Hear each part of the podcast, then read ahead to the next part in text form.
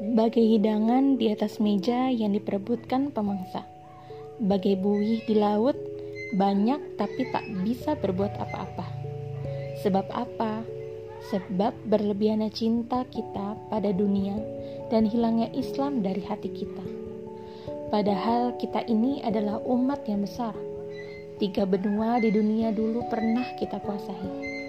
625 tahun dunia hidup dalam keadaan damai dengan banyaknya perbedaan. Sebab apa? Sebab Islam menyatukan. Tapi hari ini, lihatlah perpecahan yang ada. Pertumpahan darah kaum muslimin seakan tak berharga.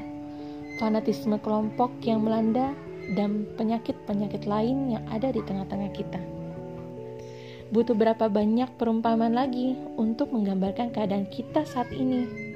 Butuh berapa banyak kejadian lagi supaya kita sadar bahwa kita butuh bergerak berjamaah, bukan lagi sendiri-sendiri.